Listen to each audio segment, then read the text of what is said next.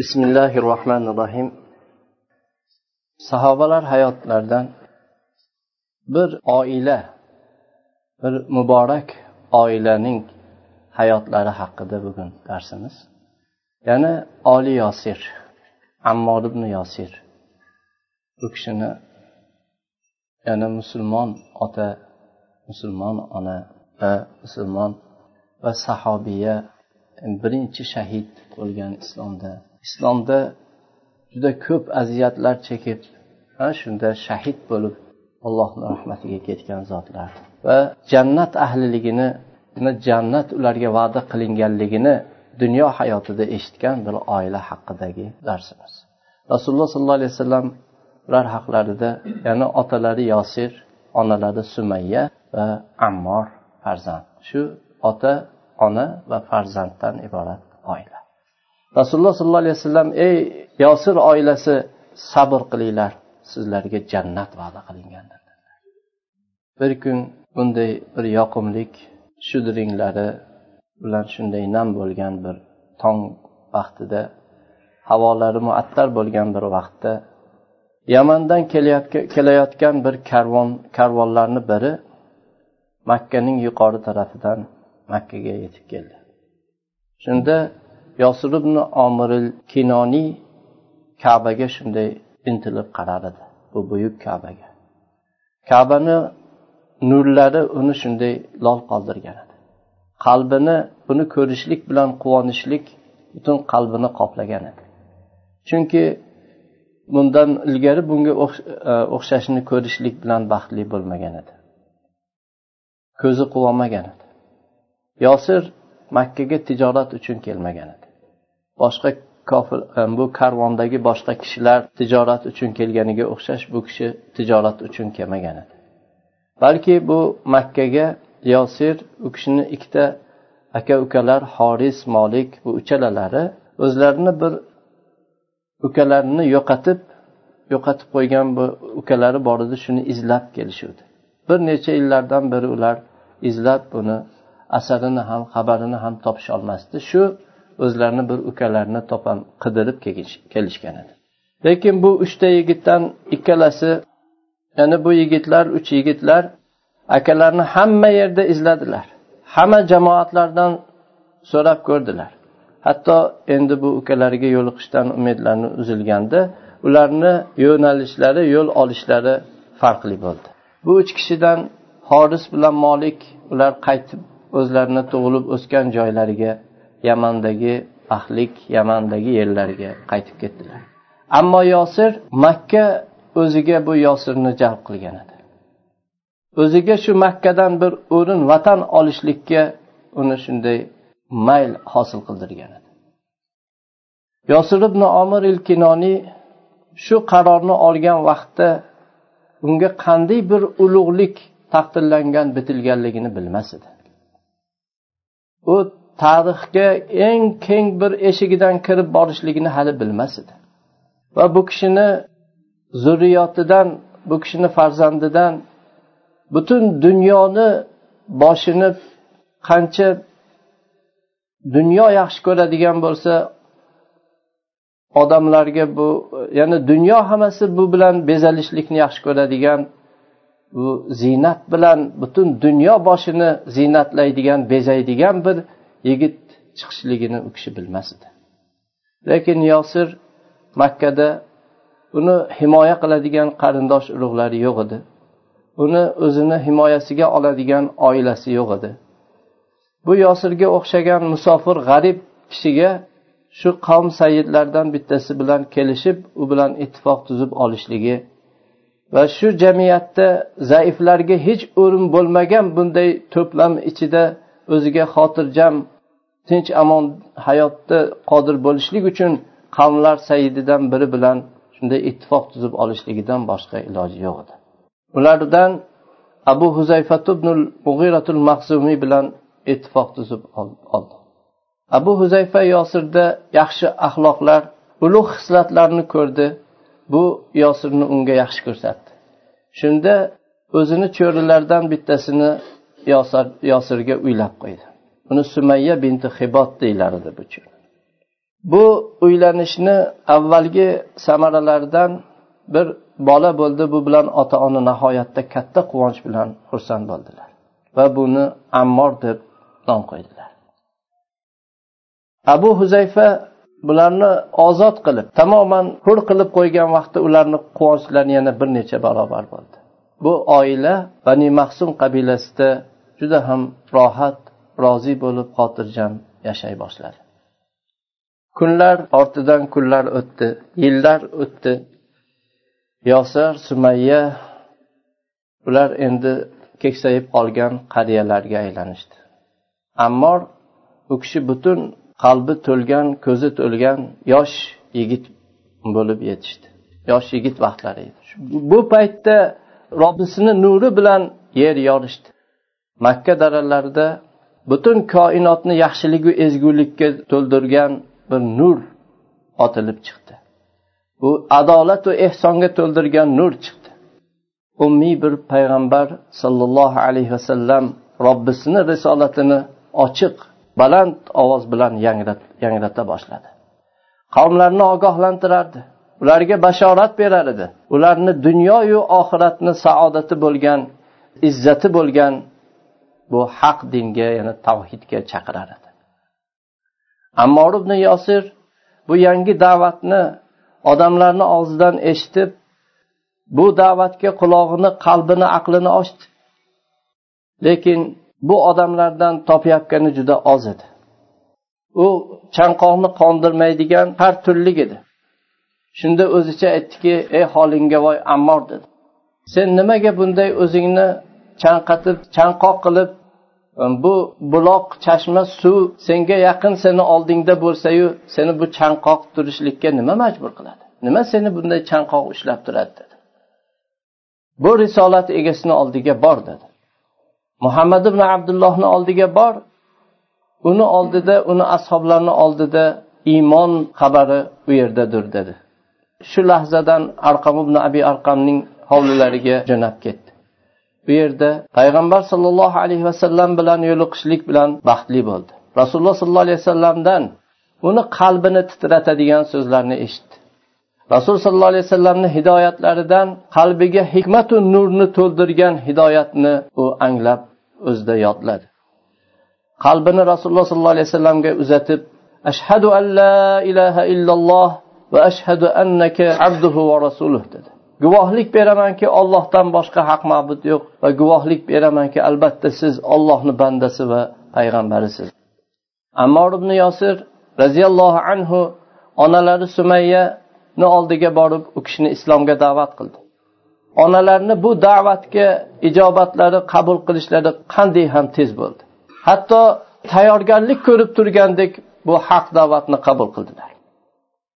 Keyin otalariga yuzlandi. Otalarini onalarini da'vat qilgan bu haqqa otalarini chaqirdilar. Otalari ham onalaridan bu tez ijobat qilishlikda u kishi ham orqada qolmadi.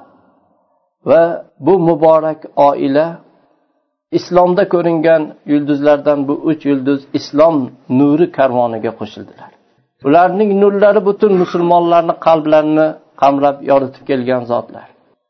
Allohni izni bilan inshaalloh olloh butun yer va yer yuzidagilarni o'ziga meros qilib olgunigacha bu yana davom etadi. Bu uch nafar bu muborak oilaning islomi bani mahsum qabilasi ichida ularni islomga kirganligini xabari yoyildi. Ular g'azabga to'ldilar nafratdan bo'g'ildilar parchalandilar va ularni islomlardan qaytarishlik yoki halok qilib ularni o'ldirishlik uchun qasam ichdilar. Ota onani oldilar. Va ularni bu o'g'illari yigit bu yigitni mo'min yigitni uchalasini olib makka sahrosiga olib chiqdilar. Ularga temir sovutlarni kiygizdilar va quyoshni nurida ularni quyosh nurida shunday toblab tashlab qo'ydilar. Ulardan suvni man qildilar. Buni ustiga ketma ket ularni urib jazoladilar. Hatto ularda shunday to bo'g'izlarigacha chanqoq shunday ichlari quridi. Tomirlar quridi. Terilar shunday yorila boshladi. Qon oqaradi. Ana shunday kunlarda ularni tashlab qo'yishar edi. Bu holat bilan ularda bir necha marta bu ishlar takror bo'lib bir kun ertalab rasululloh sollallohu alayhi vasallam ularni oldilaridan ular mana shunday qattiq azob bilan azoblanib turgan vaqtda rasululloh sollallohu alayhi vasallam o'tib qoldilar. Rasululloh sollallohu alayhi vasallam ularga rahmlari keldilar. Rahmlari keldi. Lekin ular uchun hech bir quvvatga yordamga ega emas edilar. Shunda rasululloh sollallohu alayhi vasallam beqaror bo'ldilar. Ularni oldilarida turib dedilar. Ey yosir oilasi sabr qilinglar sizlarga jannat va'da qilingan joydir. Bu azoblanayotgan jonlar rohat hosil qildi. Bu qarab turgan ko'zlar quvondi. Azob ichida turib shunday quvondi. Bunday mashaqqatlik yuzlarga rozilik tabassumi bu yuzlarda ko'rindi zohir bo'ldi. Bu ikki keksa qari yoshdagi kishilarga ish uzoq cho'zilmadi. Sumayya roziyallohu anhoni oldilaridan abu jahl sumayya azoblanib turgan holatda o'tib qoldi. Keyin juda qabih bir haqoratlar bilan haqorat qildi. Juda qattiq og'ir so'zlarni sumayyaga eshittirdi. Lekin sumayya bunga e'tibor bermadilar. Shunda nayzasini yalang'ochlab qorinlarini pastiga bu nayzani sanchdi. U nayzaning temirlari u kishini orqasidan chiqdi. Bu islomda birinchi shahid bo'lgan eng avvalgi shahid edi. U kishini ulug'likka u kishini oliylikka mana shu o'zi kifoya qiladi. Ammo yosir ham azob ostida u kishi ham dunyodan ko'z yumdi. Ollohdan boshqa haq ma'bud yo'q deb guvohlik berib va muhammad sollallohu alayhi vasallam ollohni rasuli deb guvohlik berib dunyodan o'tdi. Ammorga ota onalari shahid bo'lgandan keyin azob yana ham qattiq bo'ldi. Jallodlari u kishiga azob berishlikda hech bir chegarani rioya qilmadilar. Har qanday chegaradan tajovuz qilib o'tdilar. Insoniylik hech bir shafqat unday chegaralarni hech biri qolmadi. Hammasidan o'tdilar. Bir kuni rasululloh sollallohu alayhi vasallam nihoyatda qattiq g'am alam bilan hijolat bilan hasrat chekib rasululloh sollallohu alayhi vasallamni oldilariga keldilar. Rasululloh sollallohu alayhi vasallamga qarashga urinar edilar. Va rasululloh sollallohu alayhi vasallamdan ko'zlari rohat olishlikka urinar edilar lekin boshlarini ko'tarishlikka qodir bo'lolmasdilar rasululloh sollallohu alayhi vasallam ey ammor nima xabarlar? dedilar. Shunda ammor yo rasululloh yomonlik hamma yerda hukmron dedilar. Hamma yoqqa yomonlik yoyildi dedilar. Bu nima deb qanday yomonlik? deb so'radilar. Men kecha azoblandim. Hatto qattiq bir mashaqqat qattiq bir menga ozor azoblar yetdi. Agar tog'larga tushsa tog'lar parchalanib ketadigan azobni berdilar. Keyin ollohni dushmanlari menga ko'rsatgan narsalari bilan u rosa kun qizigan vaqtdagi issiqdagi chanqoq qoldirishlari jasadimni o't bilan yondirishlari bilan kifoyalanmadilar. Ular sizni haqorat qilishlikka meni majburlashar edi ularni olihalarini zikr qilishlikka meni ular majburlab shunday azob berar edi hatto men bu ishni qildim dedilar. Keyin qalblarni yuraklarni ezadigan tovush bilan ho'ngrab yig'lay boshladilar. Rasululloh sollallohu alayhi vasallam qalbing qanday edi ey ammor? dedilar. Qalbim yo rasululloh iymon bilan xotirjam edi dedilar. Unda aytdilarki la alayk unda senga hech narsa bo'lmaydi dedilar. agar yana shunga o'xshasa o'xshashni qilsalar sen ham shu aytganingga o'xshashga qilavergin dedilar keyin alloh azza va jalla ammor roziyallohu anhuni ehtirom qildi u kishi haqlarida oyat nozil qildi alloh taolo aytdiki من كفر بالله من بعد إيمانه إلا من أكره وقلبه مطمئن, مطمئن بالإيمان ولكن من شرح بالكفر صدرا فعليهم غضب من الله ولهم عذاب عظيم iymonidan keyin kim ollohga kofir bo'lsa bundan qalbi iymon bilan xotirjam bo'lib turib majburlangan kishi bundan mustasno dedi alloh taolo. Ya'ni ammor ibn yosirni bu ahvollar. Lekin kim kufrga qalbini ochsa ya'ni majbur bo'ldim deb qalbidan ham ketib bu kufrga qalbini ochib murtad bo'ladigan bo'lsa unda ollohdan unga ollohni g'azabi bo'ladi va ularga qattiq buyuk bir azob bo'ladi. Rasululloh sollallohu alayhi vasallam ashoblarni hijratga buyurgan vaqtlarida madinaga hijratga izn berganlarida ammor ibn yosir roziyallohu anhu madinaga dinini olib qochib hijrat qilganlarni eng avvalida u kishi ham hijrat qildilar. Quboga yetib borgan vaqtlarida muhojirlar u yerda joylashganlarida ularni namozni qoim qiladigan bir masjidni qurishlikka chaqirdilar. U kishini bu talablariga ashoblar xo'p dedilar. Ammor ibn yosir bu qurgan masjid bu islomdagi birinchi bino qilingan masjid bo'ldi. Bu har bir ishda fazilatda hammadan ilg'or ekanliklariga bu o'zi kifoya qiladi. Rasululloh sollallohu alayhi vasallam madinaga hijrat qilib borganlarida ammor nihoyatda qattiq quvondilar. Xuddi o'zini bir suyumlik eng yaxshi ko'rgan inson o'zini yaxshi ko'rgani bilan xursand bo'lgan quvonch bilan xursand bo'ldilar. Va bu yuz bu yuzni lozim tutgandek rasululloh sollallohu alayhi vasallam bilan doim birga bo'ldilar. Kechasiyu kunduzda rasululloh sollallohu alayhi vasallamdan ajramadilar. Nabiy sollallohu alayhi vasallam ammorni bu muhabbatiga muhabbat bilan javob berardilar. Ammor kelgan vaqtda dedilar. Shunday pokiza va poklangan ammor keldi dedilar. Badr jangida ammor roziyallohu anhu rasululloh sollallohu alayhi vasallamni bayroqlari ostida nihoyatda bir qahramonona jang qildilar. Va bu kishi bu jangga ota onasi mo'min shahid bo'lib turib bu jangga kirganlarni ichida yolg'iz yagona edilar. Ota onasi shahid bo'lgan ikki shahidni shahid ota onani farzandi bo'lib bu jangga kirgan faqat ammor roziyallohu anhu edilar rasululloh sollallohu alayhi vasallam vafot etib dunyodan o'tganlarida bu atrofdagi arablarni aksari islomdan ya'ni murtad bo'lganda yamoma kunida ammor roziyallohu anhuni ajoyib bir mashhur u kishini tutgan o'rinlari munosabatlari bor. Ya'ni rasululloh sollallohu alayhi vasallamni sahobalarida bu qatl nihoyatda ko'p bo'ldi. Juda ko'pchilik o'ldirildi. Shunda o'lim qur'on hofizlarini olib ketar edi musulmonlar oyoqlari ostida yer larzaga kelib qoldi. Ya'ni bo'shlik mag'lubiyat boshlanib qoldi. Shu vaqtda ammor ibn yosir baland bir tosh ustiga chiqdilar.